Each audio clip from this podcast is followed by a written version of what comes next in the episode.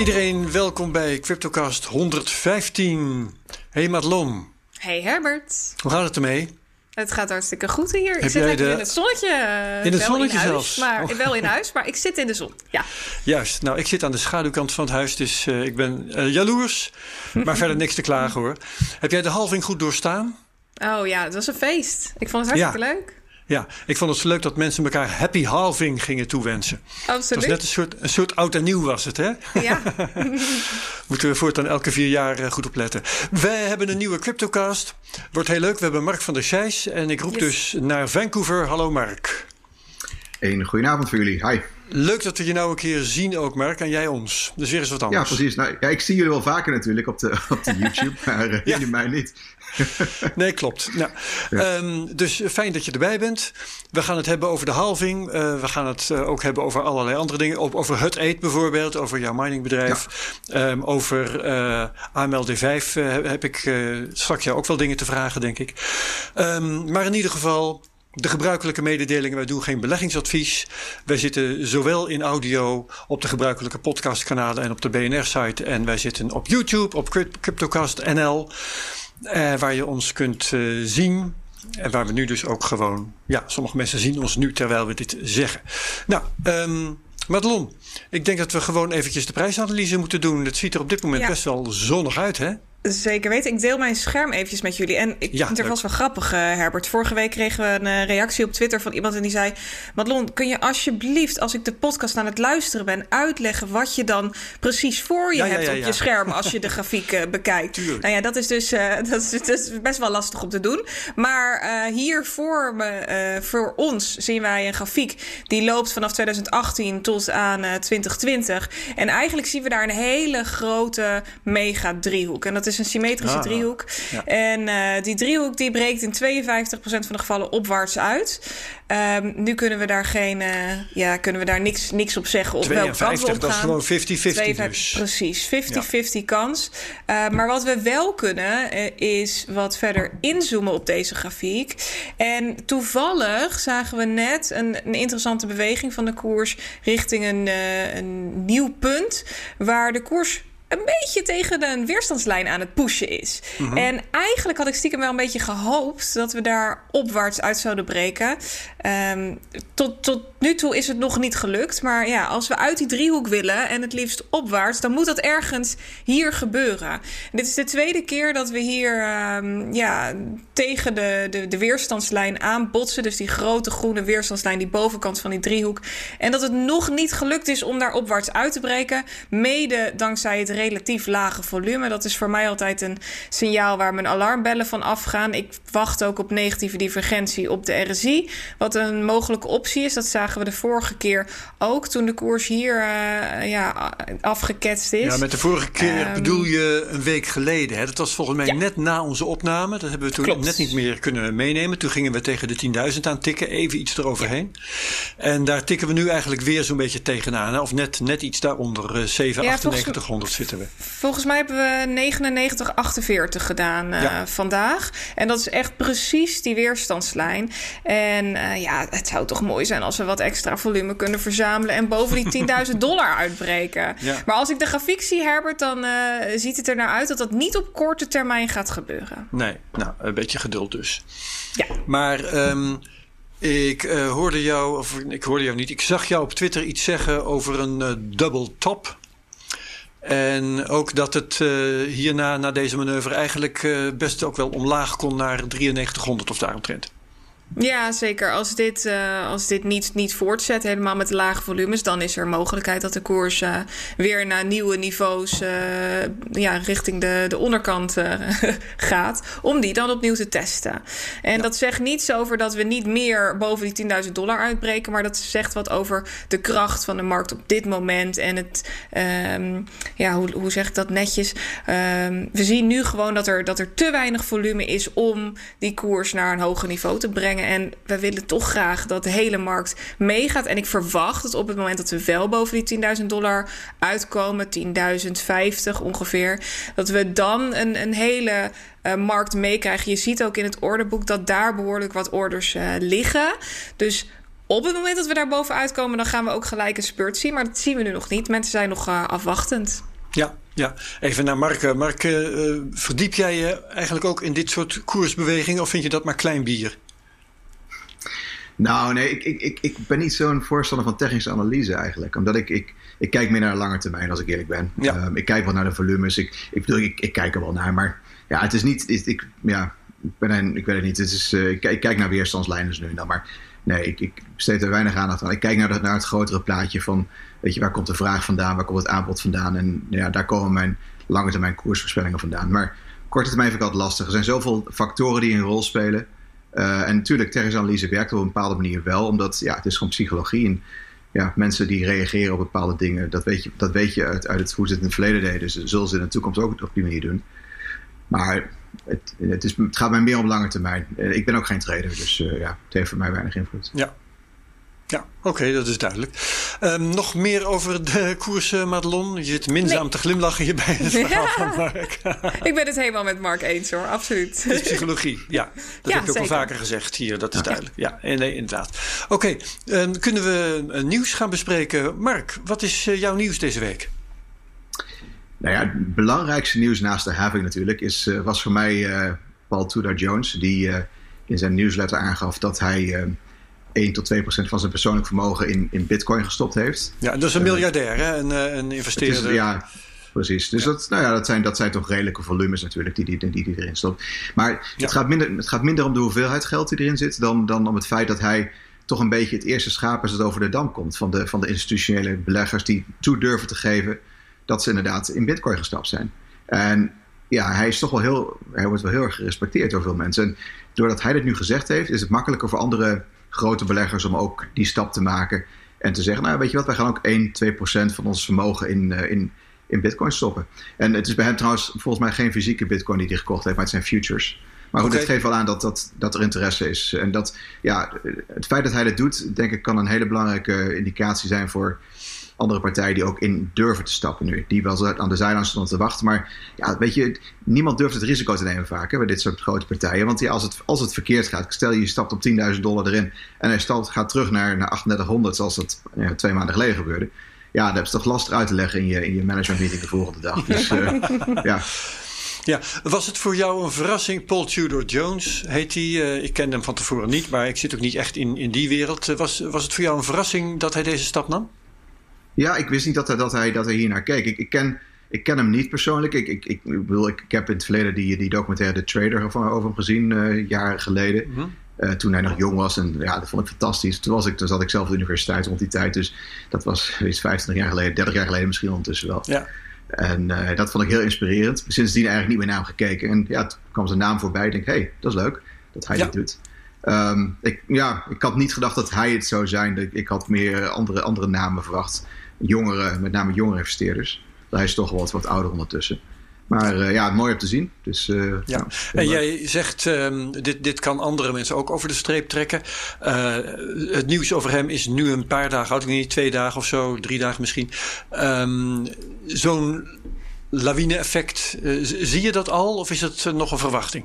Nee, dat, dat zijn dingen die duren langer. Hè? Kijk, mm. een, een, een, institutionele belegger die, is niet, die, die kan niet zoals ik zelf zeg, zeggen van oké, okay, dan ga ik nu ook instappen. Dat, dat, dat is een periode, dat, er, moet, er, moet een proposal gemaakt worden voor een investment committee, moet over gestemd worden en dan, dan, dan wordt er getrade. Dat, dat zijn dingen, dat, dat kan weken, misschien wel maanden duren zelfs. Maar ik denk wel dat, dat, dat, dat die proposals nu gemaakt gaan worden. Dat mensen nu wel durven te zeggen van ja, kijk, Paul Tudor Jones doet het. Dus ja, wij zouden ook misschien wel 1%, 2% van ons vermogen hierin moeten zetten. Ja. Just in case. Ja, ja. dan kan het dat ook dat... natuurlijk. Ja, Madelon, zeg maar.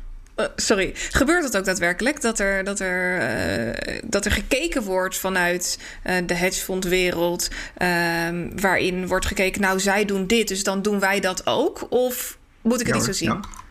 Ja, met name, kijk, deze proposals komen toch vaak van analisten. Dat zijn mensen die wat lager op de, in, in, in de pickorde zitten. En ja, die durven niet zo heel veel risico te nemen. Omdat ja, je wil groeien in de organisatie. En één grote fout betekent dat je, dat je, dat je niet door kan groeien. Um, dus ja, die kunnen nu zeggen, nou ja, weet je, Paul, Paul Tudor Jones heeft het gedaan. Uh, dit lijkt me ook een goed idee, want A, B en C, het, de inflatie die mogelijk gaat komen. Uh, het, is, het is, een, het is een, een asset class die um, uh, een hele lage correlatie heeft met, met de beurs of met andere asset classes. En ja, dat, is, dat zijn argumenten die, die je nu kan gebruiken, die je een week geleden misschien nog niet had kunnen gebruiken. Ja. Ja, oké, duidelijk. Mooi. Uh, Madelon, wat is jouw nieuws? Ja, ik had uh, een, een leuk nieuwtje, Herbert. En daarvoor wilde, wilde ik eigenlijk even met je terug naar um, het eerste blok. Of eigenlijk het, het blok voor het eerste blok. En die ga ik er even bij pakken. Je bedoelt het laatste blok van de 12,5 bitcoin? Nee, nee? Uh, dit blok. Ik wilde even met je helemaal terug. Elf jaar geleden. Oh, dat op, blok. Uh, op 3 Het januari Genesis 2009. Genesis blok. Precies. Ja. En uh, daarin stond een bericht over um, van, van de Financial Times. En dat was een kop van 3 januari 2009. En daar stond dit bericht. Chancellor on the brink of second bailout for banks. Ja. En um, ik kwam erachter, of althans ik kwam erachter, werd mij verteld dat in het 629.999ste blok, Ja. zo, dat daarin ook een bericht stond. En die heb ik er ook even bij gepakt. Ik hoop dat jullie het nu kunnen zien. Ja. Daar staat het volgende bericht van 9 april 2020. En dan gaat het over een injectie. En dat dit uh, plan van de Fed, doordat er zoveel geld wordt bijgedrukt, dat dit verder gaat dan wat er in 2008 gebeurde. En dit, dit, to, toen ik dit Ja. voor het eerst hoorde, gaf Twee het me gewoon... reddingsacties dus eh, eh, met elkaar vergeleken eigenlijk, hè? Ja, het gaf me gewoon kippenvel. Want eigenlijk betekent dit dat er in, in nou pak een beetje elf jaar tijd... dat de problemen niet opgelost zijn... en dat de problemen eigenlijk nog erger zijn geworden... dan wat er in 2008, 2009 uh, uh, plaatsvond. En uh, ik vond het heel erg kenmerkend dat dit dus in het laatste blok... uh, voordat de halving daadwerkelijk een feit was... dat, uh, dat dit er nog even ingezet is. Ik vond het tof. En het gaf me echt een gevoel van ja, we zijn, er nog, we zijn er nog steeds niet met z'n allen waar we willen zijn. En dat is de reden waarom Bitcoin er uh, vandaag de dag nog steeds is. Als dit opgelost was, dan was Bitcoin misschien wel helemaal zo groot niet geweest. Dus ik vond het ontzettend gaaf dat dit, uh, dat dit er ingezet is. En ik ben heel erg Ja. benieuwd wat er over vier jaar staat. Zegt dat wel. Nee, en, en wat, wat het ook leuk maakt, is dat eh, eerste blok, dat Genesis-blok, dat eh, moet gemaakt zijn door Satoshi zelf, hè? Yes. Wie hij ook geweest is. En op deze manier geven ze dat een soort echo in de tijd van nu. Hè, eh, die toch, eh, ja, de- wat jij zegt, hè, dat is een hele, heel charmant, hi- historisch bewuste daad. Ja. En dat is mooi. Ja. Vind jij dat ook mooi, Mark? Ja. Is dat iets wat, wat ja, op ik jou... vind het heel mooi. Ja. Eh, Nou, wat- ik het mooiste eigenlijk vind, is dat, dat het ook echt in de Coinbase data staat. Je kunt dus per transactie kun je, kun je, bericht, kun je berichten sturen. Maar als de miner het zelf doet, dan, en het, dan komt het bericht in een transactie waarin deze miner dan die, la- die, die 12,5 bitcoin kreeg in de laatste ja, transactie. het staat ook Dan gewoon in de blockchain. Hè? Ja. Ja, maar goed, je kunt ook transacties sturen met, met een message. En die waren er ook in dat blok. Oh ja, ja. Ehm, maar dit is echt de, de, de message van de miner zelf. Dus dat, dat is het mooie eraan. Ja. ja. Oké. En ja, kijk, en het is natuurlijk zo dat ja, wat- wat er nu gebeurt met het bijdrukken van geld, ja, dat is alleen maar positief voor Bitcoin. Dat is precies waar Bitcoin voor gemaakt is. Dus ja, inderdaad, we zijn weer terug bij af een beetje waar we, waar we waren in, in 2009. Ehm, ja, Bitcoin eh, gaat een goede toekomst te- tegemoet hierdoor. Ja, ja. Zeker. Alright, ehm, mijn nieuws. Dat gaat over de AMLD5-wetgeving. we hadden vorige week Patrick van der Meijden in de Cryptocast van Bitkassa. Hij stopt ermee, gooit het pijltje er maar neer vanwege de kosten die eh, ja, hoger blijken te zijn dan zijn bedrijf kan dragen. En ook eigenlijk wel hoger dan ehm, Wopke Hoekstra, minister van Financiën, in de Eerste Kamer heeft voorgespiegeld. Ehm, en uh, naar aanleiding daarvan heeft Mahir Al-Kaya van de Socialistische Partij Kamervragen gesteld. Die heeft hij vrijdag ingeleverd. En uh, hij herinnert de minister aan een motie waar hij ook hier uh, over heeft verteld. Dat was uh, in de tijd dat de wet door de Tweede Kamer was aangenomen. Mm-hmm. En die motie die luidde dat de implementatiewet niet mag leiden tot gevaar voor kleine ondernemers, noch tot verdringing van kleine ondernemers vanwege te hoge administratieve lasten. Uh, dat is pikant, want precies wat, waar die motie voor waarschuwt en waar, uh, uh, waarover die motie dan, sorry, waarover de Tweede Kamer via die motie heeft uitgesproken dat niet mag gebeuren, dat gebeurt nu wel. En Alkaya zijn Kamervragen, die luiden, ik pik er even een paar zinsneden uit. Deelt u de mening dat we innovatie en competitiviteit bij het MKB juist moeten bevorderen en niet in de kiem smoren zoals nu het geval lijkt te zijn? Volgende vraag. Wat vindt u ervan dat de Nederlandse bank aangeeft dat de toezichtkosten in 2021 mogelijk nog hoger kunnen zijn? Wat gaat u doen om deze last voor het MKB te verlichten en te voorkomen dat er monopolievorming optreedt of dat deze sector uit Nederland gejaagd wordt? Nou ja, dat zijn dus de gevaren waar hij en trouwens ook allerlei anderen, denk aan Simon Lelyveld, voor hebben gewaarschuwd. Uh, nog tijdens de behandeling in de Tweede Kamer bijvoorbeeld. Hè, dus al heel wat stadia eerder. Um, en die nu gewoon blijken te gebeuren. Want, maar is het, is het nu niet al gewoon te laat, Herbert? Ja, het is te laat. Want de wet is aangenomen. Dus de wet gaat gewoon in werking. En als ik goed ben geïnformeerd, dan gaat die wet maandag in werking. Maandag 18 mei. Dat was in ieder geval de bedoeling. Um, dus dat is uh, voor zover ik weet niet meer tegen te houden. En uh, ik heb even geteld of geteld, even teruggekeken. Uh, wie zijn intussen verdwenen? Coin Garden is verdwenen, is gestopt. Bitter is gestopt van Ruben Waterman. Automatisch sparen in bitcoin. Um, Bitkassa dus. En dan vergeet ik, oh ja, Deribit. Dat is een iets ander verhaal. Want die zijn vertrokken onder andere vanwege het ongelijke speelveld. Niet direct vanwege die kosten. Dat is eigenlijk maar een klein detail voor hun. Mm -hmm. Zo groot als zij zijn. Maar uh, Deribit is toch ook vertrokken vanwege het klimaat. Uh, Concurrentiestrijd. Tegen bitcoin in Nederland. Ja, ja, waar uh, de aanmelding 5 wetgeving eigenlijk één uiting van is. Dus we tellen nu al vier bedrijven die of vertrokken zijn of gewoon gestopt. Mm -hmm. En dat is een aardige klap als je het hebt over een hele branche met enkele tientallen bedrijven. Dat heeft Patrick vorige week ook voorgerekend. Uh, het ging om, uh, geloof ik, een stuk of 30, 35 bedrijven. Nou, als daar 10% van vertrekt, dan worden de kosten voor de rest ook 10% hoger. Ja. Dus uh, dat is ingrijpend. En daar moet Wopke Hoekstra toch met een goed antwoord over komen. En mm -hmm. zoals het bij Kamervragen gaat, heeft hij daar in principe drie weken voor te rekenen vanaf, vrijdag, uh, vanaf afgelopen vrijdag. Dus het is nu nog iets meer dan twee weken. Mark, um, volg jij dit soort dingen? Die uh, antiterrorisme en anti-witwaswetgeving in Nederland slash in Europa. Want het is een Europese richtlijn hè, waar Nederland nu gevolg aan geeft. Volg jij dit? Ja, ik volg, ik volg het wereldwijd. Kijk, ik zit er zelf natuurlijk ook in, hier in Canada met, met, met maatregelen. Ja. ja. ik moet eerlijk zeggen, ik, ik, ik moest er een klein beetje om lachen. Want het, ja, een beetje, het ging om 30, 40.000 euro per bedrijf. Ja. Als je dat niet kan betalen, waar, waar ben je dan mee bezig? Dan heb je een klein bedrijf, dan, ja. ja. Ik ken wel meer bedrijven ja, maar... hoor die dat dubbeltje moeten omkeren. Ze gaan Jawel, maar luister eens. Als je in de financiële markt bezig bent en je niet, je niet, de, de, niet voldoende capaciteit hebt om, om, om 30, 40.000 dollar aan, of euro aan, ja. aan, aan, aan registratiekosten per jaar te betalen, ja, dan moet je een nieuw businessmodel zoeken volgens mij. Ik, als ik kijk naar Canada, ik heb hier voor, voor, mijn, voor mijn First Block Capital bedrijf voor de registratie in eerste instantie een paar ton betaald. Mm -hmm. uh, dat is inclusief lawyerkosten, dus uh, advocaten. Voor mijn Bitcoin Trust hadden we anderhalf miljoen dollar besteed om dat op de markt te krijgen. Dat was gewoon puur een, een privéfund. Um, ik heb een hedge fund op in, in, um, in, uh, in de Cayman-eilanden opgezet. Dat kostte me 3, 4 ton. Weet je, ja, dat zijn, dat zijn normale bedragen. Ik vind 30, 40.000 helemaal niet veel. En als mensen dan zeggen van ja, dan moet ik ja. mijn bedrijf dichtgooien. denken van ja, dan heb je een verkeerd businessmodel. Uh, als, kijk, het is namelijk ja, zo, als je zegt van... Ja. Als je zegt van ik, ik, ik, ik kan geen 30.000 euro betalen, uh, dus dan stop ik mijn bedrijf. Dan denk ik, ja, je, dan, je kunt ook een investeerder zoeken die dan voor, voor die, die, die 30, 40.000 euro betaalt en dan een klein percentage in je bedrijf krijgt. Als, je, als je je bedrijf wil, wil laten voorbestaan. Daardoor denk ik van ja, weet je, het zijn waarschijnlijk toch bedrijven die het anders ook niet gered zouden hebben. Die nu zeggen van ja, weet je, door deze kosten kunnen we niet doorgaan. Iets klopt niet, denk ja, ik. Ja, Als ja. ondernemer zeg ik van dat er zijn andere oplossingen voor. Dit is niet de reden zijn om, om, te stoppen. Nee, nee, nee. Uh, deze bedrijven hebben natuurlijk wel stuk voor stuk de, uh, de, hoe heet het, de bear market meegemaakt en overleefd. Dat vind ik dan toch wel weer een teken van kracht.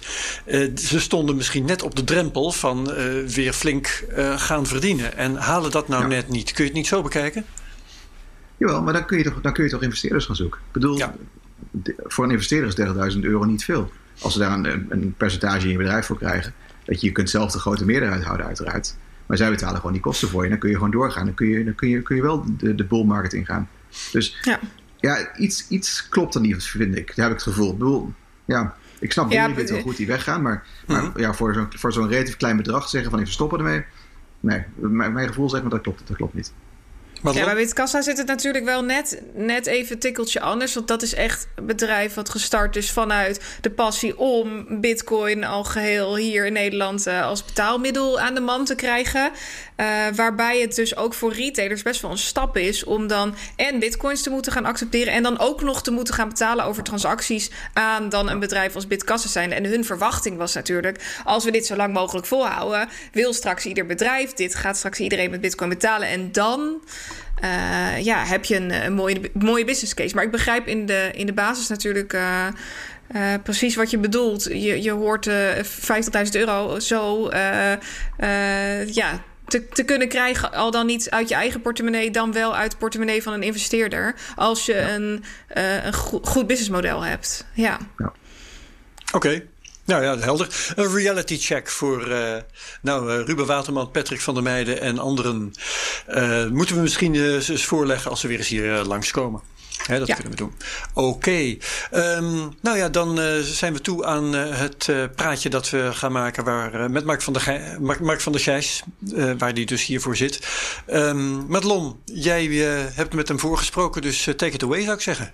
Ja, wat ik, wat ik wel grappig vond. Afgelopen maandag hadden wij, volgens mij was het maandag, hadden we heel eventjes kort contact over de having. Uh, het zat er aan te komen en ik vroeg aan jou: uh, ben je gespannen voor de halving? Of uh, doet het je vrij weinig? En ik had zelf, was de hele dag al een beetje zenuwachtig. En ook al weet ik dat het nergens op slaat, er gebeurt niks.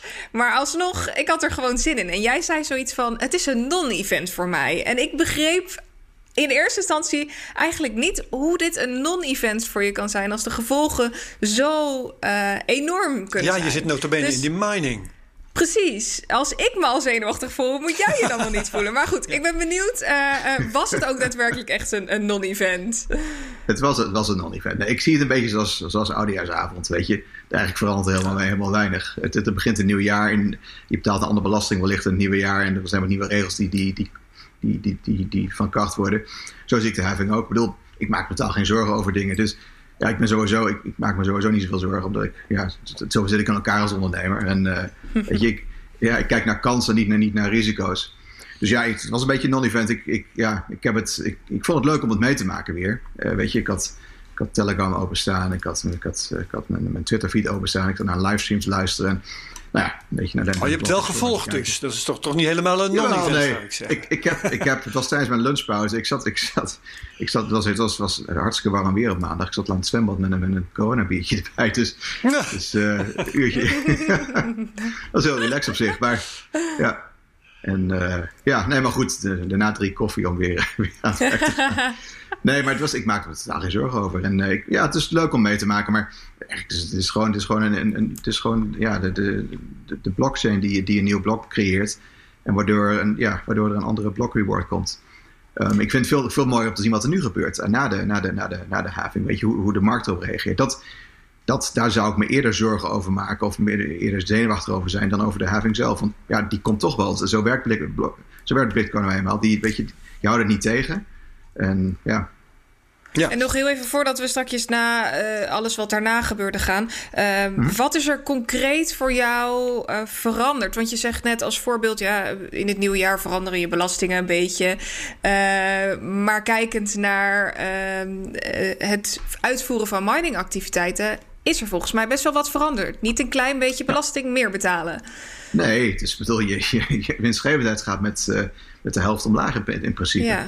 Uh, althans, als er niks verandert. Weet je. Dus het, het, het, eerste blok, ja, daarvoor, heb je daar verdien je de helft of wat het blok ervoor zat. Nou, het is, het is nog zelfs iets anders dan je zegt volgens mij. Want je inkomsten gaan met de helft omlaag. Dat betekent dat je winstgevendheid gewoon van plus naar min kan gaan. Precies, ja, precies, inderdaad. Ja. Als je, inderdaad, ja. En dat was, dat was bij eigenlijk zo, bij de eerste paar blokken. Toen zaten we in de min. Dus uh, ja. En, bij, ja. en maar goed, niet alleen, maar dat is natuurlijk mooi. Niet alleen bij ons, bij, bij, bij ja, het nee. overgrote deel van de miners. En, en eh, waarom is dat het mooie? Want je zegt, eh, eh, dat is het mooie, hè? Iedereen in de min. Nou ja, nou ja iedereen in de min. Dat betekent dat de, zwak, de zwakste af gaan vallen. Waardoor degene die niet bij de zwakste weer omhoog komen. Weet je, dat is, dat is het mooie aan het, aan het, aan het hele, hele gebeuren. Met, Satoshi heeft het perfect voor elkaar. Die, die, hoe, hoe die dingen werken met difficulty en met, met hash rates. En, weet je, en, dan natuurlijk de prijs als, als factor. Ik, ik vind dat mooi. Dat is, uh, ja. ja. Uh, aan je gezicht te zien, uh, ga je ervan uit dat jij bij de sterksten hoort ja. uh, die gaan overblijven? Nou, niet bij de sterksten op dit moment. We, hebben, we moeten echt op, op korte termijn een nieuwe apparatuur hebben. Daar zijn we druk mee bezig. Um, ja. MicroBT hebben, hebben orders geplaatst. Alleen de financiering, door, met name door COVID-19, duurt langer dan gepland. Um, mm. We zijn het onderhandelen erover. Dus, um, maar goed, als ik nu kijk naar de, naar de huidige prijs, rond de 9700 vlak voor de uitzending begon Um, als je kijkt naar de, naar de, de hash rate die toch wel behoorlijk omlaag gegaan is. Uh, want van 135 extra hashes naar 94 net voor de, voor de uitzending. Zitten we toch weer op, op, op, op een winstgevende propositie voor Hudate. Dus ja, weet je, het is, ik maak me niet zo veel zorgen. We hoeven, we hoeven niet, wij gaan niet plotseling al onze machines uitdoen omdat we, omdat we, dat verlies draaien. Als de prijs omlaag gaat, wel, dan hebben we een probleem. Of als de, als de hashrate weer omhoog gaat, of als, het, ja, als de difficulty niet, niet omlaag gaat binnenkort. Kan jij ja, verklaren? jij zegt iets. Oh. Sorry. Jij, jij, zegt iets uh, wat, wat mij opvalt daarnet al. Dat um, uh, uh, aanvankelijk de winstgevendheid omlaag ging, of van plus naar min ging. Plus naar min ging. En ja, van plus naar min. En nu net zeg je dat de hashrate is veranderd. Dus ja. ik begrijp uit je woorden dat al binnen twee dagen jullie winstgevendheid weer oké okay is. Ja, we zitten, we zitten weer boven, we zitten weer, we zitten weer in de plus. Ja. En uh, okay. nou, op net hoor, maar we zaten vorige week minen we rond de 6000 dollar, volgens mij 6, 6,5 ongeveer. Um, dus op basis daarvan kun je uitrekenen, nou goed, dan wordt het dus 12.000 dollar tot 13.000 dollar als er niks zou veranderen aan de, aan de, aan de, aan de, aan de, de, hash rate. De hash rate ging omlaag van 135 naar, naar 94 nu, dat is zeg maar een 30% denk ik. Ja, um, dus die, ja, ja, die 6000 slash 12.000, dat is de kosten per bitcoin die je maakt. Dat zijn, heb ik. precies, dat, ja, dus de, ja, ja. Dat, de dat, is, dat is op basis van, dus, dus, dat, is, dat was dus 12,5 maal 6000, dat is nu 6,25 maal 12.000. Dat, zou de, dat zijn de, de kosten ja. die je hebt. Ja. En kan je verklaren waarom die hashrate ineens uh, zo hard omlaag gegaan is? Is dat omdat miners hun apparatuur uitgezet hebben? Ja, absoluut. absoluut. Echt. Je ziet gewoon dat nu 30% van de miners ermee gestopt zijn. Weet je, dat is, dat is zeg maar de minor capitalization waar mensen het over hadden. En dat gaat nog wel verder omlaag, denk ik. Of behalve als de prijs omhoog gaat nu. Dat is, weet je, het is een equilibrium. Hè? Als de prijs op, deze, op deze, dit niveau blijft, zal het ja, hierbij blijven, misschien nog iets verder omlaag gaan. En ik, kijk, ik, kijk, ik kijk er dagelijks naar. Dat is niet iets. Je hebt de, meeste mensen kijken naar een gemiddelde. Ik kijk echt naar de dagelijkse rate. En uh, ja, of nou zelf, zelf niet alleen dagelijks, ik kijk bijna, bijna elke uur kijken naar op dit moment. Ja, nee, ik wil gewoon weten wat er gebeurt. En ja, ik zie gewoon dat, dat het is eigenlijk gisteren is het hard, echt heel hard omlaag gegaan. Ja. En, uh, ja, nu is het op 94. En ja, dat betekent dat een derde van alle miners in Bitcoin zijn ermee gestopt. En jij zei in, uh, in jouw berichtje afgelopen maandag dat uh, het enige wat je dus belangrijk vond was hoe de miners dan zouden reageren. Die 30% is dan nu gestopt. Ja. Um, maar zij hebben hoogstwaarschijnlijk nog wel voorraden. Um, mm-hmm. Althans, vele miners houden hun bitcoins aan omdat de verwachting is dat de koers hoger wordt. Dus dat ze ja. mee kunnen stijgen in, in, in prijs. Um, is er dan nog een mogelijkheid dat als die miners niet meer kunnen aanhaken, als die koers dus niet hoger wordt, dat ze dan hun bitcoins gaan verkopen? Ja, absoluut. Dat, is, dat, dat risico, risico zag ik met name direct naar de, naar de having. Ik denk van, daar was ik toen bang voor. Dat, dat je meteen naar de having een, een, een terug, terugval zou zien in de prijs. Uh. Dat gelu- gebeurde gelukkig niet. Maar ja, er zijn natuurlijk, er zijn natuurlijk veel, uh, veel miners die momenteel ja, die behoorlijke, voor, nou, behoorlijke voorraden. Er zijn miners die toch wel ja, bitcoin hebben die, die, die ze moeten, dus al om hun vaste kosten te betalen, moeten ze die gaan verkopen. Dus er komt meer supply bij. Maar goed, de vraag is van, ja, hoeveel is dat? Ik weet het niet. En het ligt ook een beetje aan de prijs. Als ze verwachten dat de prijs omhoog zal gaan, zullen ze langer wachten met verkopen. Heb jij inzicht hoeveel bitcoins er nu bij miners liggen van het totaal aantal wat er in omloop is? Nee, totaal niet. Hm. Nee, en de markt kan natuurlijk ook wel wat hebben. Want de supply is al verminderd met uh, 6,5, uh, 6 kwart bitcoin per uur. Ja. Uh, dus ja. uh, zoveel kunnen miners op de markt smijten zonder dat er iets zou kunnen veranderen aan de prijs. Ja, ja dat is 900 bitcoin per dag dat minder, minder in omloop uh, gebracht wordt. Dus ja, dat is, dat is best veel. En ja. ja. Dus ja, ik weet het niet. Het is, het is, het, weet je, dat is een beetje game theory, maar het is dus lastig voorspellen wat er, wat er gebeurt. Maar ja, als, als, het, als er een effect is, is het, is het een, een, tijdelijk effect dat dat gedurende 1, 2 weken zal plaatsvinden. En dan gaat het weer verder omhoog. Dus, uh, ja, en de prijsontwikkeling van de laatste nou ja, twee dagen, dat is natuurlijk niet iets waarvan je kunt zeggen dat komt door de halving of iets dergelijks. Hè? Dat, dat, nou, dat zien we nog lang niet. Gaan we pas later. Nee, maar ik, ik, wat, wat wel een rol speelt hierbij. Veel mensen waren toch bang dat er een minor capitulation zou komen. Dat, dat de prijs hard zou gaan dalen direct naar de, naar de halving. Dat gebeurde niet. En ja, dan zie je toch dat de mensen die misschien eruit gestapt zijn dan weer terugkomen. En dat, dat zou, dat zou deze, deze, deze, ja, deze opleving of de, de stijging in de prijs kunnen, kunnen verklaren. Ja, oké. Okay. Um, Madelon, uh, zijn we dan uitgepraat over de halving? Of uh, heb jij daar nog vragen over? Uh, ja, ik had op Twitter nog wel wat vragen, maar die gooi ik er straks oh, ja. wel even tussendoor. dat is een even kijken. Of, dan kan ik nu 1, 2, 3 niet gelijk eentje uitpikken. Maar uh, als het straks aan bod komt, dan gooi ik hem er wel even tussendoor. Ja. Um, zullen we dan over het eet gaan hebben? Dat sluit hier mooi op aan natuurlijk. Jazeker. Want uh, het eet had um, uh, resultaten onlangs, uh, Hemmerk. En ja. die waren niet zo verschrikkelijk goed. Er werd gewoon verlies gemaakt. Hoe komt dat? ja, het eerste kwartaal was, was natuurlijk niet denderend met, met de, de koers van Bitcoin, die, die echt hard omlaag ging, met name in maart. Waardoor, waardoor ja. het eet gewoon ook de machines uitgezet heeft een paar weken lang. Um, of een paar weken. Ja, ja ik denk wel, ja, misschien wel een paar weken totaal. Dus ja, je kosten lopen natuurlijk wel door. Het grootste deel van de kosten zijn, zijn, zijn variabele kosten, dus je hebt geen heel groot effect. Maar ja, je mijnt dus minder bitcoins. Um, ja, en dat, dat heeft een effect op, op het hele gebeuren. Ja. Daarnaast, dat... is de, daarnaast is de hashrate behoorlijk omhoog gegaan in het eerste kwartaal. En ja, we zien gewoon, we moeten nu echt uh, we moeten nieuwe machines hebben. Want uh, ja, je wil, je, we draaien nu wel weer winst. Maar je wil, je wil zeer winstgevend zijn. Dus uh, ja, met de, met de, huidige machines, we kunnen een factor 5, 6 meer efficiënt produceren met, met nieuwe machines. Dus ja, nu, nu is ja. de vraag van ja, wanneer kunnen we die krijgen? Weet je, de, ja. ja. Is dat uh, moeilijk op dit moment om die machines te krijgen? Blijkbaar wel. Nee, nee grappig genoeg niet. Het is, dat, had, had ik, dat dacht ik een paar weken geleden wel. Um, we hebben natuurlijk door, door COVID liepen toen, we hadden, hadden orders geplaatst, wisten niet wanneer die zouden komen. Nu kunnen we ze gewoon binnen zes weken krijgen. Dus uh, het probleem is meer aan de financiering momenteel. Dat de hele beurs in elkaar gestort is. Zijn financierders waar we mee in gesprek waren, hebben ze iets van ja, weet je, wat, waar, wat doen we nu? En uh, ja, dan moet je, dan moet je heronderhandelen. En, uh, ja. ja. Maar om het even uh, helder te krijgen, dat vind ik wel grappig zoals je dat uitlegt. Um, de hashrate was gestegen en daardoor scoorden jullie in feite voor het werk dat je deed met je machines, scoorde je te weinig bitcoins. Ja. En daarom moet je zelf machines hebben die harder werken, zodat je daar beter tegenop kan eigenlijk. Ja, die efficiënter zijn inderdaad. Dus als je kijkt naar de microBT's, met onze elektriciteitsprijzen kunnen we rond de 2000 dollar momenteel minen per coin.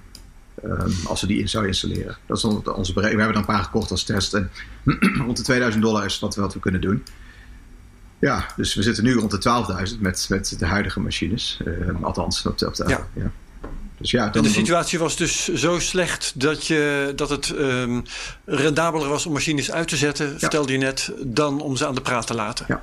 Ja, dat is ja, wel grappig. Dat sluit ook, ook, aan op, op deze vraag. Uh, we hebben hier een vraag van Sandman op Twitter. En hij zegt, uh, nou, hij legt even de situatie uit over de having. Uh, dus ook de prijs dat die verdubbelt in wezen per bitcoin. En daarna zegt hij, mm -hmm. 30% van de miners heeft nu al tijdelijk zijn stekkers eruit getrokken. wat is -hmm. Mark zijn verwachting? Zal het eet dit ook gaan doen? Of zijn er voldoende reserves om dat niet te hoeven doen op dit moment? Nou, dat heeft niks, dat heeft niks met reserves te maken. Um, als je, het gaat om variabele kosten die je hebt, die je stopt. Als je dus, als je miningkosten hoger zijn dan de, kost, dan de prijs van bitcoin, moet je gewoon tijdelijk stoppen. Want ja, dan, dan draai je verlies op de coins die je, die, die je creëert. Dan kun je ze beter op de open markt kopen. En um, kunnen jullie reserves... zomaar stoppen?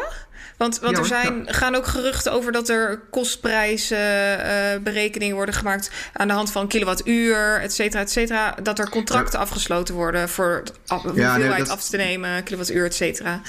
Klopt. Je, je, maakt, je, je hebt een contract met, met, met, met, ja, met de lokale, lokale provider. Uh, mm -hmm. Wij kunnen gewoon op elk moment kunnen we, kunnen we, de, kunnen we de, de stekker eruit trekken. Kunnen het teruggeven aan het, aan het, aan het net. Um, kunnen er andere dingen mee doen. En dat doen we ook actief. We hebben gewoon algoritmes lopen die continu ja, zeg maar, kijken van ja, wat verdienen we ermee? En uh, kunnen we beter doorgaan of niet? En, weet je wat, ook de, we hebben een hele lage elektriciteitsprijs, maar er zitten fluctuaties in. Dus uh, we zitten gemiddeld op 3 kilowattuur, of 3 cent per kilowattuur. Het kan soms naar 1 cent per kilowattuur gaan. Nou, dan wil je gewoon zorgen dat echt alles op alles staat, dat je, dat je zoveel mogelijk gaat minen. Maar je hebt wel, je hebt wel peaks, de pieken die, um, als het bijvoorbeeld in de zomer, als, als, veel, als veel airconditions draaien, of midden in de winter, als, het, als er veel, veel gestookt moet worden, dat de, dat de kosten tijdelijk omhoog gaan. En dan zetten we ook de machines wel eens uit. En dat kan ook maar voor een paar uur zijn, bijvoorbeeld. Oké. Okay. Uh, dus ja, ja. Duidelijk, dat is antwoord op de vraag. En ik heb nog een vraag hier van uh, Oetker83. En hij vraagt: In hoeverre kunnen de miners een invloed hebben op de prijs? Kunnen zij de markt manipuleren? Nou, niet manipuleren. Kijk, in de zin van als, als miners allemaal een, coins gaan dumpen, dumpen, nu, omdat ze, dat ze al hun machines uitge, uitgezet hebben, ja, dan hebben ze een invloed op de prijs. Maar dat is niet manipuleren. Dat is gewoon puur omdat ze het geld nodig hebben. Het is niet dat ze zeggen van we, we dumpen nu om de prijs omlaag te krijgen en dan kopen op een lager niveau terug. Gewoon puur omdat ze, hebben het geld nodig. Maar als je kijkt naar, naar, de, hoeveelheid geld die omgaat in, in de Bitcoin-wereld, manipuleren is, is lastig voor mij. Dus ik geloof, geloof niet in. Nee. Oké, duidelijk. Ja, um, Manipuleren is lastig voor, voor miners, uh, zeg je. Maar uh, wat het effect dat dus wel mogelijk is, en dat is uh, ook in feite voorspeld, dat is dat ze door geldnood hun bitcoins moeten verkopen, dat, waardoor de koers daalt. Ja. dat, is, dat is een effect dat, dat gewoon mogelijk is. Um, hoe groot zie jij de kans dat dat nog gebeurt? Ja, die is er zeker, die kans. Um, ja. De vraag is alleen van ja, kijk, als de, als de prijs door blijft stijgen zoals nu, zullen ze langzamer gaan verkopen dan als de prijs naar beneden zal gaan. Het risico is met name als de prijs er echt omlaag gaat, dat ze dan denken ja. Dan krijg je een spiraal. Krijg je een spiraal, ja. En dan, dan, dan kan het heel snel echt hard omlaag gaan. Maar goed, dan, dan zie je weer, dan komt weer een bodem en dan stijgt het weer keihard, dan gaat het weer naar boven. Als je, als je aan het traden bent en je wil geld verdienen, is dat het moment om in te stappen. Dus, uh, ja. Kan het ook gebeuren dat, dat de uh, uh, prijs zo laag wordt dat het überhaupt niet meer uh, interessant is voor een hele grote groep miners om te gaan minen en dat je eventueel zit met een 51% attack of de veiligheid van het netwerk die minder wordt daardoor? Veiligheid wordt minder, maar ja, die blijft nog steeds, steeds extreem hoog, die veiligheid. Dus dat is, dat is totaal geen issue wat mij betreft. Oké. Okay. Het, is, en ja, ook 51%, nee, dan, dan, dan zou het één partij moeten zijn die die, die, die, die helft in handen heeft. Dat zie ik niet gebeuren. Okay. Um, het zijn toch vaak mining pools met, met mensen die erin zitten die op verschillende, verschillende levels minen. Dus uh, nee. Het zou best kunnen dat, dat, als, uh, dat als er een soort van mining capitulatie komt, ik verwacht het niet hoor, maar als die er komt, dat, ja, dat de helft van de miners hun, hun, hun, hun machines uit moet zetten en ook moet gaan verkopen. Maar ja, goed, dan, dan er zijn altijd miners die, die, eh, die wel winst maken. Um, door, kijk, wat ik net zei, op basis van onze berekeningen maken wij, kunnen wij de nieuwe chips rond de 2000 dollar per coin kunnen produceren. Ja, ik zie, de, ik zie de koers absoluut niet naar 2000 dollar terugvallen, wat er ook gebeurt. Dus, uh, nee, ja. nee. En er zijn, zijn andere mensen die ook op die prijs kunnen, kunnen, kunnen produceren nu al. Dus. Ja. Bij het eet ben je trouwens ook op zoek naar een nieuwe directeur. Hè? Jullie directeur is vertrokken. Ja. Hoe, hoe, uh, waarom is hij vertrokken eigenlijk? Nou ja, die heeft twee jaar lang door de bear market heeft hij het bedrijf geleid. En dat was niet de makkelijkste tijd. Tropenjaren. Hij begon, nou, hij begon echt, hij begon. We hebben het bedrijf opgezet in november 2017. In december 2017 hebben we eh, behoorlijk veel geld opgehaald, in januari ook. Toen Bitcoin op zijn hoogste punt stond. En dat van allemaal van, van grote beleggers. Weet je, met name, met name institutionele beleggers. Ja, die heeft de afgelopen twee jaar natuurlijk, ja, het was niet makkelijk, laat ik het zo zeggen. En die had zoiets van, joh, het is, het is mooi geweest. Ik, het ging echt, ja. Uh, ja, die wilde gewoon anders doen. En, uh, daar gebeurde daar precies waar, uh, waar jij net voor waarschuwde dat uh, beleggers instapten en de bitcoinkoers kelderde ja. en die keken vreselijk op hun neus. Ja, absoluut. Dus jouw directeur, ik ben zijn naam even kwijt, neem me niet kwalijk, maar die heeft dus. Ja. Ja, die heeft ja. moeten lullen als brugman om die mensen nog een beetje in het gareel te houden, zeg maar. Ja, dat was niet makkelijk. Ik bedoel, ja, als, als, als mensen 100 miljoen dollar in je bedrijf stoppen en ja, de bitcoinkoers die gaat van letterlijk, ja, weet je, in december stond die op, op bijna 20.000 dollar toen. Mm -hmm. die, gaat, die gaat dan langzaam terug en vorig jaar stond die op, op, op 3000 dollar. Ja. ja, is lastig uit te leggen. Terwijl ondertussen wel de difficulty omhoog gaat en weet je, de, de, de, de, de hash rate gaat omhoog. Dus ja, die had, die had, geen, geen, die had geen makkelijkheid. En ik, ik, nee, bedoel, nee, ik, heb, ik heb er wel grip voor. En uh, ja, we hebben gesprekken met een aantal, aantal goede mensen gevoerd. En uh, ja, we hebben nu de, de CFO's nu tijdelijk uh, als, als CEO aangetreden. En uh, ja, de board gaat nu een beslissing maken over wie de, wie de opvolger wordt. Dus ja. ze hadden me gevraagd, maar ik zeg... Ik, ik wil ze hadden jou gevraagd? Ja, nee, dat is, nee dat, weet je, het is, ik heb te veel andere dingen. En het is, het is ook niet... Ik, ik, ja, het is... Um, het zou, het Jouw positie is op dit moment, even voor de duidelijkheid, gewoon aandeelhouder. Gewoon aandeelhouder. Ja, ik weet, ik weet ja. relatief weinig ja, van het bedrijf. Naast de dingen die. Althans, ik, ik, ik, Andrew Kikkel was, was een goede vriend van me. Dus ja, ik, ik, zat, ik, ik adviseerde natuurlijk wel heel veel. Nu met, met de nieuwe CEO zal het veel minder worden. Die, uh, ja, dan kijk ik ook meer van de buitenkant naar binnen. Ik weet natuurlijk, ik, ik, ik ben wel onder, zeer actief betrokken bij de onderhandelingen met, met, met financiers nu. Um, ja. Dus daar, dat weet, daar weet ik wel dingen van. Maar ja, zeker als, nieuwe, als een nieuwe CEO komt, ja, dan zit ik er niet meer zo in als ik er nu in zit. Dus, uh, nee, nee, nee. En, en um, dat vraag ik me dan af, hè, omdat je zo vertelt, dat het begon eigenlijk allemaal op de top van de markt in, uh, in 2017. Ja. Um, hebben jullie toen niet voorzien dat die top uh, wel, uh, dat het vanaf dat punt wel flink naar beneden zou kelderen? Want dat is allemaal al een keer gebeurd in, in 2013. Nee, nee, ik zat daar helemaal verkeerd. Ik dacht echt dat het door zou stijgen toen. En ik heb dat helemaal niet aanzien komen op dat moment. Nee. En ja, ik denk achteraf gezien. Ja als je nu terugkijkt, die, ja, wat, wat, eigenlijk als je november, december 2017 uit, uit, de, uit de grafieken zou halen, was het veel beter geweest voor Bitcoin. Als die gewoon, weet je, nooit boven de 10.000, 12.000 dollar gekomen was. Maar goed, het, het, ja. het was helaas van ja, het was zo. Ik bedoel, het, het, heeft ons geholpen toen bij het opzetten van het eet. Weet je, we hebben toen echt ja, dat wel, ja. weken van 100 uur per week gedraaid om gewoon om dat op te kunnen zetten voordat, weet je. Maar ja, het is, het is, het is heel vervelend voor mensen die, die, die toen ingestapt zijn. Maar goed, aan de andere kant, we komen, we komen weer bij een all-time high. You know, binnen, binnen niet al te hele lange tijd, denk ik. Dus ja, dit uh, komt wel goed. Ja, ja, en heb je die beleggers, of jij niet, maar uh, uh, je, je, directeur, die beleggers zijn die intussen weer overtuigd dat dat all-time high er wel weer aankomt? Um, nou, de meeste beleggers weten niet zo heel veel van Bitcoin die, die geïnvesteerd hebben. Dat, zijn, zijn oh, dat is wel makkelijk. dus ja, die komen toch meer bij mij terecht of bij, bij Andrew. En die vragen ons om, om advies. En ik, ja, ik, ik hou gewoon mijn, mijn, mijn, verhaal over waar ik denk dat Bitcoin heen gaat. En waarom ik denk dat het daarheen gaat. En um, ja, dat is het afgelopen jaar veel makkelijker geworden door, door, door de artikelen van Plan B. Dat toch, ja, ja. Dat Veel, veel, veel, En ook gewoon door de koersontwikkeling natuurlijk. En, en door de koers. Nee, ook, ook de, ja, goed, maar goed, die is zo volatiel. Dat, ja, weet je, ook met name weet je, op 13 maart toen de koers echt terugviel naar, naar onder de 4000 dollar. Ja, dan krijg je toch wel ook in het weekend, dat was op een vrijdagavond hier dat gebeurde. In het weekend krijg je toch wel telefoontjes van mensen die zeggen van, wat, wat, wat gebeurt er? Wat, wat moeten we doen? Dat is weer wat uit te leggen. ja, dus, uh, ja. Oké, okay, en, en wat verwacht je nu voor, uh, voor de komende periode? Want kunnen we nou zeggen dat, dat Bitcoin deze having heeft overleefd? En uh, zo ja, wat zegt dit dan voor de toekomst? Dan gaan we gewoon rustig aan die, die, die vierde halving over pak een beetje drie, vier jaar tegemoet? Of zijn er nog ja. bepaalde obstakels? Nou, ja, 26 maart 2024 is nu de, de volgende having gepland. Staat op mijn kalender. Uh, die past, past automatisch aan trouwens. ik kan continu zien. Ja, het zal wel weer eerder worden. Het, het, het, wordt weer eerder. Gaat, ja. het is, uh, maar goed, nee. Maar uh, ja, Bitcoin heeft de having overleefd. Maar dat, wilde, dat was ook nooit de vraag of die zo, het zou overleven. Dat, ja, dat, was gewoon, dat is gewoon zo. Dat is, ja, dat is gewoon de, de, code die gerund wordt. Um, wat op korte termijn gaat gebeuren, weet, weet ik niet, weet niemand. Weet je, ja, je kunt naar technische analyse kijken. Je kunt, je kunt analyse doen op basis van wat miners gaan doen het, ik, ik denk dat, ik, mijn verwachting is dat de hash rate omlaag gaat en dat de prijs omhoog gaat en dat, dat er geen, geen miningcapacitatie komt. Maar het is altijd mogelijk. Maar ook al zou die er komen, dan maakt het nog niks uit. Dus het is een opportunity om, te, om op een lagere prijs in te stappen. Um, dus ja, weet je, ik, ik, ik, mag geen beleggingsadvies geven, dat zou ik ook niet doen. Maar ik, laat ik zo zeggen, ik, ik, als, ik, als ik een tweede was, zou ik, zou ik mijn, mijn bitcoins met gewoon vasthouden. En, de lichten staan op groen, ja. Ja, ligt snap goed. Ik zie, ik zie helemaal geen, geen, geen. Ik ben, ja, ik, ik ben al een paar maanden heel, heel positief, veel positiever dan ik eigenlijk vorig jaar was.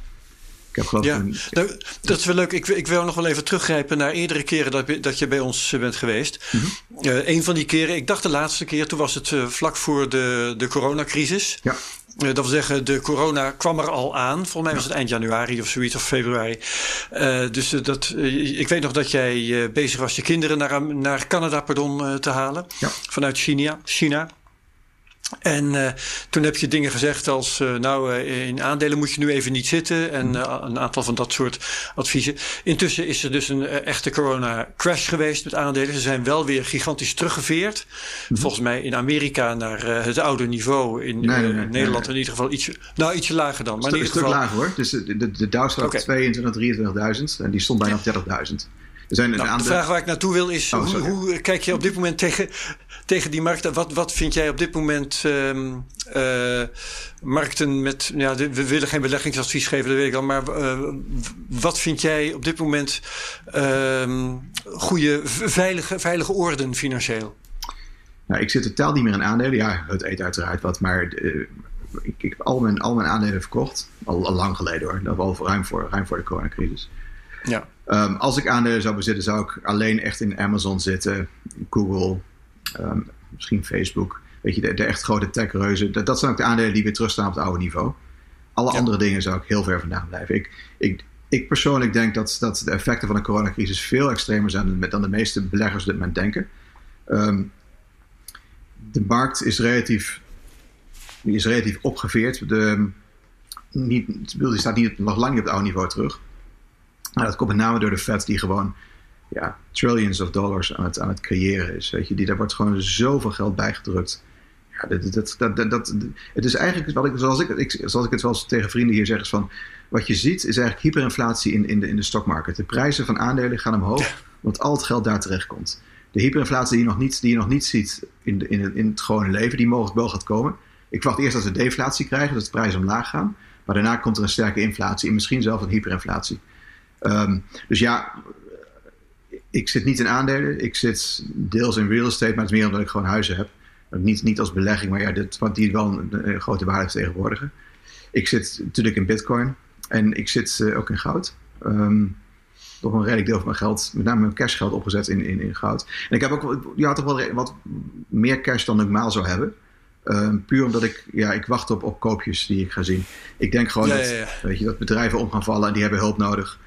Uh, nou, dan kan ik instappen op, op, op, een betere prijs. Ik ben twee bedrijven begonnen dit jaar waar geld in moet. Dus uh, ja, ja, dat zijn dingen waar ik... Op wat voor, verhaal, ja, zeg maar Madelon. Op, op wat voor termijn verwacht je dat, uh, dat die echte klap gaat komen? Want eigenlijk wat jij, het beeld wat jij nu schetst... dat is een beeld wat we, wat we relatief vaak hier voorbij hebben horen komen. Ja, middelkoop onder andere. Hè? Ja, nou, onder andere eerst deflatie, dan inflatie en misschien wel hyperinflatie. En we zitten dus nu met de omloopsnelheid van het geld... omdat dat laag blijft, voelen we dat nog niet in de, in de prijzen. Maar op de aandelenmarkt zie je het dus wel, uh, die, die stijging terwijl de onderliggende bedrijven steeds zwakker beginnen te worden. Wanneer komt die echte klap pas? Want er zijn zoveel mensen die allemaal zeggen: ja, maar als straks corona over is, kunnen we weer lekker met z'n allen aan het werken. Dan is er niets aan de hand. Nou, de hele wereld gaat veranderen. En dat, de meeste mensen kunnen het niet, die zien het niet in. Die denken allemaal van, nou weet je, na de zomervakantie dan is het leven weer terug bij, bij waar het was dit gaat veel langer duren. Het kan zelfs, het kan zelfs zijn dat er nooit van afkomen. Weet, weet je, mensen zeggen allemaal van ja, er komt een, er komt een vaccin aan. Ja, er is een goede kans dat er een vaccin komt. Maar het, er is altijd een kans van, ja, hoeveel? 20, 30 procent dat het vaccin er niet gaat komen. Weet je, we zijn ook al, we zijn ook al 20 jaar op zoek naar een HIV-vaccin. Dat is niet gekomen.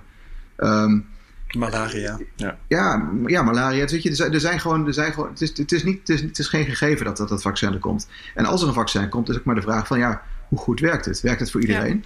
Of werkt het voor een deel niet? Of, of zitten er side effects Blijft het werken, hè? Ja. Blijft het werken? Dus we, we, weten het gewoon niet. Dus ja, ik, ik, ik maak me echt zorgen. Ik denk echt dat, dat, dat 2020 als, als jaar gewoon helemaal voorbij is, economisch gezien. En het kan best zijn dat het volgend jaar nog steeds zo is. Um, vandaag kwamen weer de, de werkloosheidscijfers uit in Amerika. Toen ik vanochtend wakker werd, zal ik naar te kijken. Ja, dan schrik ik echt hoor. Het gaat, het gaat maar door. Dat, er zit geen einde aan te komen. En Amerika gooit zijn, gooit, gooit zijn lockdown open. Voor een groot deel. Dat zijn de plannen althans. Ja, dat, is, ja. loopt helemaal uit de hand uit. Dus ja, dat is. Ja, ja ik, ik, ik, ik sta aan de zijde aan Twitter kijken en denk: hoe kan dit nou? Weet je, waarom zien mensen het niet? Um, hoe, hoe, hoe zijn de anti-corona-maatregelen? Helemaal in het begin zei je daar iets van, redelijk strenge lockdown, geloof ik dat je zei. Hoe zijn de uh, coronamaatregelen in Canada? Kun je daar wat van vertellen? Ja, nou, niemand werkt hier. Um, iedereen werkt vanuit huis. Um, alle, alle alle non-essential stores, alle niet-essentiële winkels zijn, zijn dicht. De supermarkten zijn open en de, de liquor stores zijn open. Je, je mag in de supermarkt geen, geen wijn en bier kopen. zijn liquor stores voor. Die zijn open. En voor de rest, ja, en de benzinestations zijn open. Maar voor de rest is eigenlijk alles dicht. Um, en ze gaan het langzaam opengooien vanaf volgende week. Maar met, ja, met, hele, met hele kleine stapjes. Dus uh, weet je, alle hotels zijn dicht. En oh ja, alles is dicht. En, uh, ja. ja. Sinds, sinds een week zijn de, zijn de marina's weer officieel open. Dus de, de, de, de jachthavens. Wat voor mij wel van belang is. maar, uh, Jij gaat in lockdown op je jacht. ja, dat, ja ik, ik, werkte, ik werkte echt de afgelopen week al op mijn jacht elke dag. Maar ja, dat mocht eigenlijk niet. Maar goed, ja, dus liet me, ja ik heb, ik heb zo'n zo, zo, zo pasje aan de binnenloop. Maar uh, jij moet een beetje oppassen. Dus, dus ja, ik vind het wel. Het voelt beter dat je weet dat je dit niet illegaal op je boot zit, in ieder geval. Dus, uh, ja. ja. En jij maakt je duidelijk zorgen over de, zaken, de gang van zaken in de Verenigde Staten. Dat uh, kan ik helemaal onderschrijven, want dus, volgens mij wordt er daar een rokende puinhoop. Maar uh, ja, heeft Canada zijn zaakjes beter voor elkaar? Ja, in, ieder geval British Columbia waar ik woon. Het is, weet je, het is een heel groot land. En ja, deze, alle provincies zijn eigenlijk separaat van elkaar. Je kunt niet zoals in Nederland dat je zegt van ja, Noord- en Zuid-Holland ligt, ligt aan elkaar. Ja, dat is hier tussen, tussen British Columbia en Alberta heb je de Rocky Mountains liggen. Dus uh, daar lopen wel twee, drie wegen doorheen. Maar ja, dat, dat was het dan ook, weet je. Er is, er is mm vrijwel geen verkeer tussen die, tussen die provincies. Dus ja, dit, British Columbia zit, zit bijna op nul. Ik geloof dat we zeven nieuwe gevallen hadden van corona in, het, in de hele provincie uh, gisteren. Dus we zitten echt bijna op, op nul.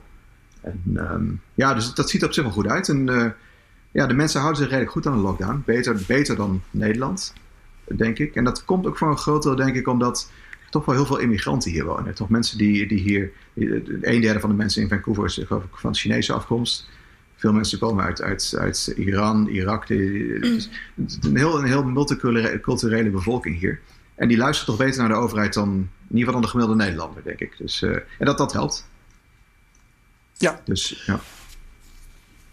En kijkend naar, uh, naar de komende periode, uh, ik was nog wel eventjes benieuwd wat je dan vindt als je kijkt naar uh, de aandelenmarkt, de, de, ten aanzien van, ja, hoe leg ik dit goed uit? Ten aanzien van de retailbeleggers. Wat mij opviel was dat er bijvoorbeeld uh, op Robinhood, een van de grootste retail ja, brokers, om het zo maar te zeggen, van Europa, dat daar een derde sinds de coronacrash, een derde uh, meer aandelen gekocht zijn dan uh, voor de coronacrash.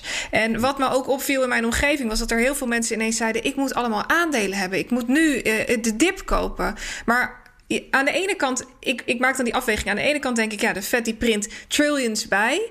Uh, dat kan dus zorgen voor die inflatie op de beurs. Maar aan de andere kant mm. kan het zijn dat die echte klap nog gaat komen. Uh, hoe zie jij dat? Want jij hebt natuurlijk uh, vermogen wat je ook op een bepaalde manier moet verdelen. Mm. denk je dat die echte klap nog komt? En gaan dan al die retailers massaal eruit? En wat voor effect zou dat dan voor Bitcoin kunnen betekenen? Nou, weet je, het ligt, het ligt aan de Fed als die echt dit, dit niveau doorgaan met het, met het printen van geld, mm-hmm. ja, zou je in theorie, theorie, kun je de markt gewoon blijven ondersteunen. Ik denk niet dat ze dat kunnen blijven doen. Um, ze zullen het blijven doen tot aan de verkiezingen. Op het moment dat Trump verliest, stoppen ze ermee. En uiterlijk dan gaat de hele beurs in elkaar storten, denk ik. ik zitten echt, ja, het niveau waarop de Dow Jones nu staat, dat, had, dat kan echt met de helft omlaag volgens mij.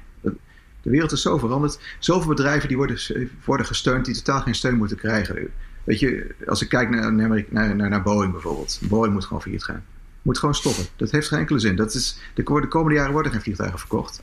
En ja, ze hebben zoveel fouten gemaakt in het verleden met, met, weet je, met de 737 MAX 8. Dat is gewoon een bedrijf dat, heeft geen bestaansrecht. Dat mag niet onder, moet niet ondersteund worden. Ja. Dan kun je het geld beter aan de werknemers geven. En gewoon een universal basic income. Zelfs met de airlines. Ja, ja, ja. ja. Ja, ik bedoel, die hebben jaren... Ik wou dat zeggen, kun je ook even advies geven uh, over KLM? KLM, ja. ja, nou ja, kijk, het is heel simpel. De stekker moet er gewoon uit. Als, ja. Het heeft geen enkele zin om dat te blijven ondersteunen. Die vliegtuigen blijven bestaan, die, die piloten en stewardessen zijn er ook. Ja, dan stap ik wel in, of iemand anders, maar ik dan niet, maar iemand anders stapt dan wel ook wel in, die, het, die, die, die, die gewoon de assets koopt en opnieuw begint, zonder, zonder schulden.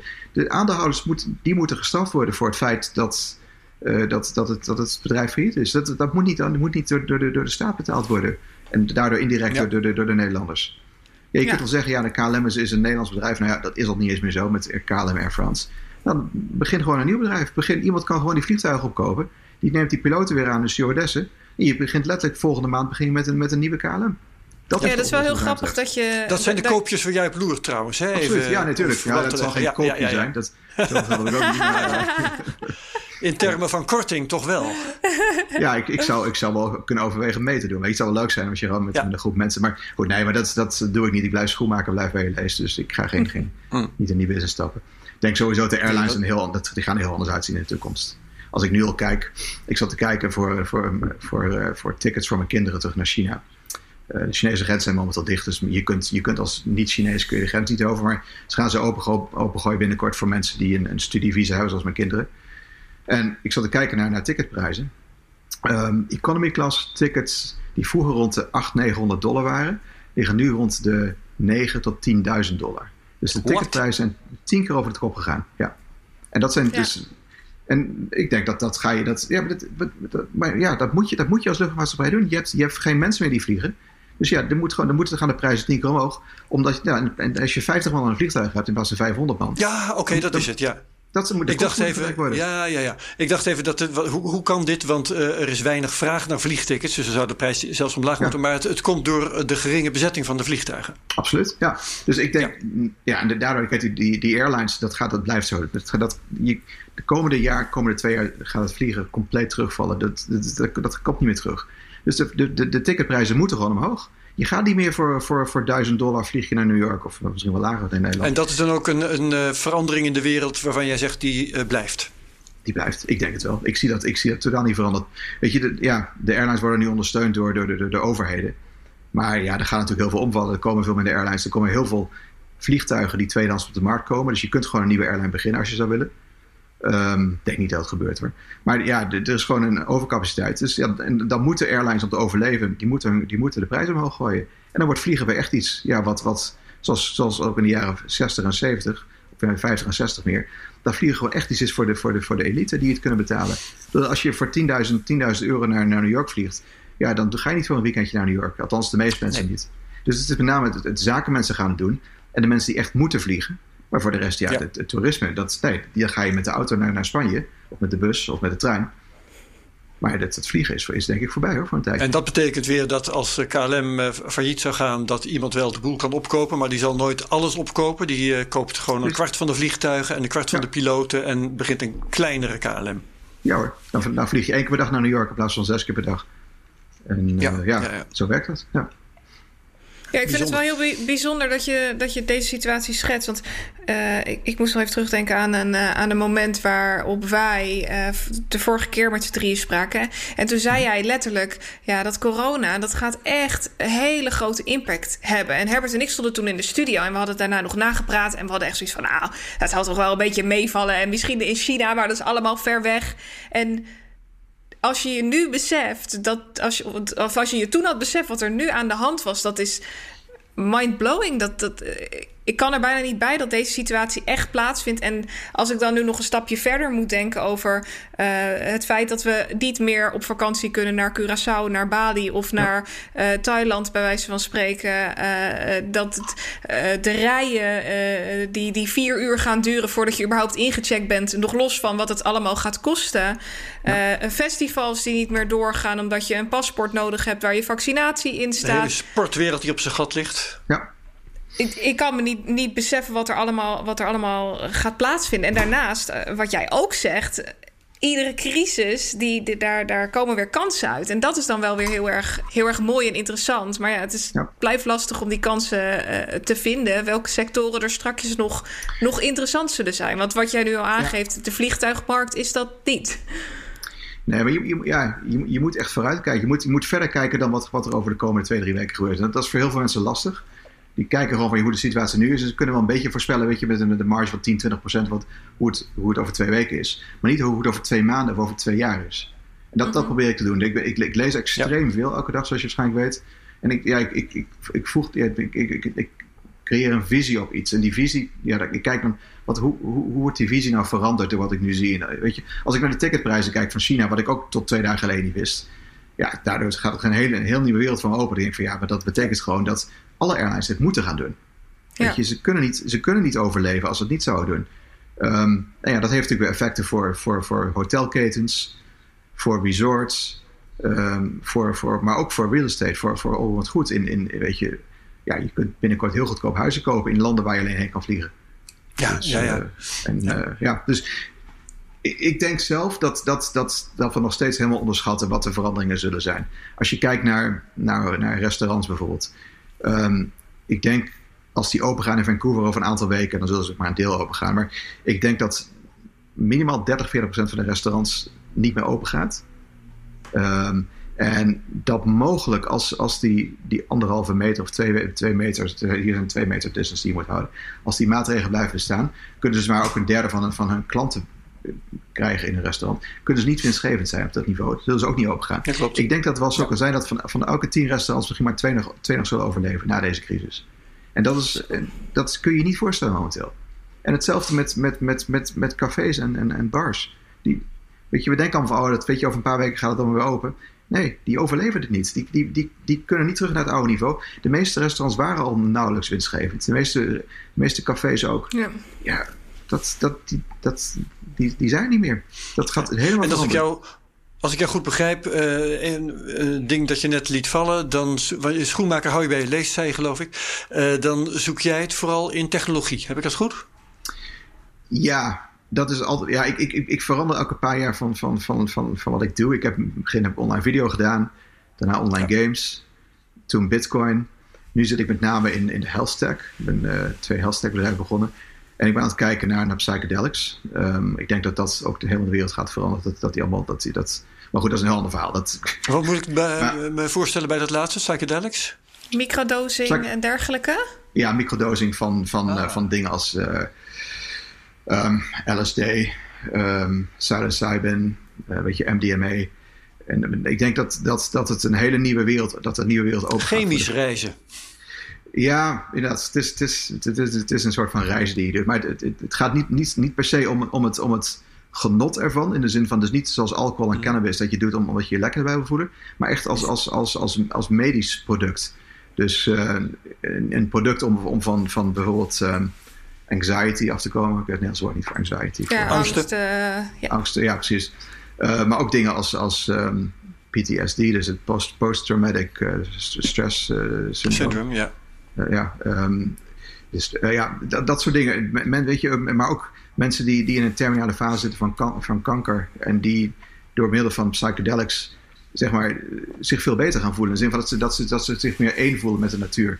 Het zijn dingen, ja, het is jarenlang is het verboden geweest, sinds, sinds eind jaren 60. Het begint nu langzaam open te gaan. In, in de eerste klinieken zijn in, in, in Canada open om dit, deze dingen te kunnen, te kunnen toedienen aan mensen. En ik, ik denk dat dit, dat dit veel groter gaat worden. Dus ik, ik ben nu begonnen met investeren in, in, in kleine bedrijven die in deze sector zitten. En, uh, maar goed, dat, ja, ik heb een heel, heel, hele theorie over. Maar dat, in ieder geval, ik, ik geloof in de sector. Dus, uh, Oké, ja, leuk. Madelon, zijn er nog uh, tweets voor Mark eigenlijk? Uh, of een ja, bitcoin bijvoorbeeld? ik was inmiddels al een beetje achterover aan het, aan het leunen. Even kijken, ik, ik had hier nog eentje.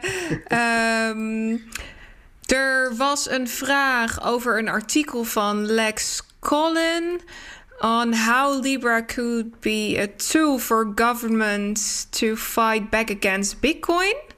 Uh, wat jij daarvan zou vinden als je dat had gelezen. Maar ik weet niet of je dat artikel hebt gelezen.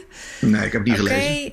Maar um, ik kan wel ja? iets over Libra, uiteraard over Libra zeggen. Wil, ja, ja ik, ik, zit in een WhatsApp-groep met, met de Libra-mensen. Dus ik, ik, ja, ik hou het redelijk goed bij. Um, Libra dus wat, wat, was de vraag precies? Even de, Over hoe... of Libra een tool zou kunnen zijn om um, voor overheden om terug te vechten tegen Bitcoin. Ja. Nee, denk ik niet. Ik, kijk, um, Libra, wat, wat Libra nu gaat doen, ze gaan stablecoins gaan ze uitgeven op, op, op, ja. Eh, via Libra. Um, het, in eerste instantie zijn het gewoon stablecoins op, op de dollar, op weet ik wat, de Zwitserse franc, misschien de euro. Dus het zijn, dat zijn coins gebaseerd op fiat currencies. Um, de overheden gaan zogenaamde central bank digital currencies uitgeven. De, dus een eigen, een eigen ja, de, zeg maar de euro uitgeven door de Nederlandse bank. Dat zijn, dat zijn currencies die eigenlijk ook stablecoins zijn, maar die zijn gedekt door de central bank. Ja. Dus dat wil zeggen dat als, uh, wat, wat, wat, als, als, als er dus een soort van concurrentie komt door centrale banken, zal het met hun eigen currencies gebeuren, niet met Libra. Libra zijn, is gewoon een privébedrijf uh, dat, dat stablecoins uitgeeft. En ik geloof niet dat de overheid daar enig nut in heeft. Ik, ik denk zelfs dat, het, dat Libra goed is voor Bitcoin, uh, omdat het mensen introduceert aan, ja, aan, aan, cryptocurrencies. Het zijn wel zo stablecoins, maar ze zitten op een blockchain en je kunt ze gewoon heel snel omzetten naar, naar, naar Bitcoin of Ethereum of een andere cryptocurrency. Dus ik denk dat het het tegenovergestelde effect is. Um, daarnaast, ja, weet je, Libra baseert zich dus op, op, op fiat currencies. Mijn verwachting is dat op middellange termijn veel van die currencies het niet gaan overleven, doordat er zoveel geld bijgedrukt wordt. Dus dat juist mensen die die stablecoins hebben, juist denken van hé, hey, ik moet echt om gaan zetten in, in, in bitcoin. Dat, dat is plotseling wel makkelijk. Uh, je kunt veel moeilijker van euro's naar bitcoin dan van een Libra coin waar je in zit naar bitcoin. Dus ik, ja. ik, ik denk het tegenovergestelde effect eigenlijk. Dus juist positief voor Bitcoin op het moment positief, dat. Ja, ja. Okay. ja ik, ik, ik ben ook heel positief nog steeds over, over het hele Libra gebeuren. Het is natuurlijk heel anders nu dan het, dan het een jaar geleden was. Maar dat komt puur omdat ze gestopt zijn door de overheid. Ze mochten niet doen wat ze wilden doen. Ja. Maar mm -hmm. ja, op termijn verwacht ik ook dat er wel weer dat er toch wel een soort van mandje komt van een aantal van deze stablecoins. Met hopelijk ook Bitcoin erin. En, maar goed, dat, ja, dat zien we dan wel weer. Ja, maar is het, is het niet zo dat, dat overheden uh, ook Libra, zoals ze Bitcoin proberen ze ook aardig dwars te zitten, maar dat ze dat met Libra ook zullen gaan doen om de dood eenvoudig dat Libra een soort uh, maakt van allerlei currencies communicerende vaten en maakt dus ja. bijvoorbeeld kapitaalvlucht veel makkelijker. Dat wil bijna geen enkele overheid. Nee. Nou ja, goed, dat zie je natuurlijk. De Amerikaanse overheid heeft Libra gewoon stopgezet vorig jaar. Ja. Daar, zit, zitten ze nu uh, met een headquarters in Genève in, in, in, in Zwitserland. Zwitserland wil wel meedoen met hen. Uh, maar ja, ze hebben nog een, een, lange weg te gaan hoor. Dus uh, ja. het, is, het, is, veel moeilijker dan ze, dan ze dachten in eerste instantie. Precies, ja. Oké. Okay. Nog meer, Madelon? Ja, deze vraag sluit er wel mooi op aan. Deze is van uh, Maarten Swinkels. En hij zegt: Zal Bitcoin altijd een alternatieve currency blijven, zoals Willem Middelkoop voorspelt, omdat het huidige systeem nooit de macht uit handen zou willen geven op monetair gebied? Of kan Bitcoin in landen uh, en mondiaal toch uh, de hoofdcurrency worden? Hoe ziet Mark dat? Blijft Bitcoin altijd veelbelovend? Dat is eigenlijk de vraag, hè, om het kort samen te vatten. Ja, ik ben positiever dan Willem op dit gebied, als ik eerlijk ben. Ik denk namelijk dat, dat, dat, dat de central banks hun eigen graf aan het graven zijn momenteel. En hm. dat daardoor fiat currencies niet kunnen overleven en dat er een alternatief moet komen. En de vraag is dan dus, wat is het alternatief? Is dat, is dat een, een nieuw currency met een, gebaseerd op de goudstandaard? Dat kan. Of is het een currency gebaseerd op, op, op iets anders wat heel waardevast is. Dat zou Bitcoin kunnen zijn. Maar verwacht jij. Ja. Verwacht jij dan dat uh, de overheden die macht dan uit handen gaan geven? Ze worden gedwongen, denk ik. Ik denk dat, dat er een, dat er een, dat er een, een, een transnationaal, transnationale munt komt. En, en, en, en, dat is ja, dus niet per land, maar gewoon. Ja, als, als ik iemand in, in, in India wil betalen, doe ik nu trouwens al. Dan doe ik dat vaak via Bitcoin. Dan doe ik het niet via in, in, in Indiase rupees. Um, en dat krijg je veel meer, want alles, gaat, alles gaat online gebeuren. Het is niet, je, weet je, je stuurt geen wire transfer meer of, of, een, of, of een check wat je hier nog veel hebt in Canada. Dat, dat gaat verdwijnen. Dus die macht zijn ze al voor een heel groot deel kwijt, denk ik. Um, maar goed, dat zal, zal niet onder slag of stoot gaan. Uh, en ja, daar maak ik me wel een beetje zorgen over. Want kijk, wat je natuurlijk gaat zien. Kijk, als Bitcoin inderdaad extreem omhoog gaat, wat ik, wat ik dus geloof, betekent ook dat die andere munten omlaag gaan, dat andere assets omlaag gaan. Dat moet ergens vandaan komen, die waarde. En ja, dat leidt natuurlijk tot, tot, tot ja, misschien zelfs tot oorlogen. Tot, in ieder geval tot economische crisis. Destabilisatie. Ja, en dus daar, daar maak ik me zorgen over. En ja, dat, wat dat betreft snap ik Willems punt dat de overheden zich niet, niet zomaar gewonnen geven. Dat zullen ze ook niet. Maar ja, ik, ik, het is heel lastig te voorspellen wat, wat er gaat gebeuren. Weet je, het, is, het is moeilijk te voorspellen wat er over de komende drie, drie maanden gebeurt, het komende jaar. Maar over drie tot vijf jaar helemaal. Uh, ik heb wel een visie daarop, maar ja, het, is een visie, het is, het is geen voorspelling, want er zijn zoveel factoren die kunnen veranderen. Ja, helder. Madelon, zullen we het hierbij laten? Ja, dat was hem. Volgens mij, ja. we hebben een, eh, een dik uur eh, volgepraat. Eh, Mark, heb jij nog een slotwoord? Iets wat je aan ons kwijt wil dat we toevallig hebben vergeten te vragen?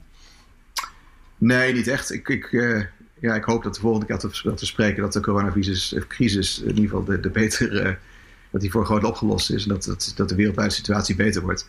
Ja. Maar nog steeds over zorgen. Uh, ja.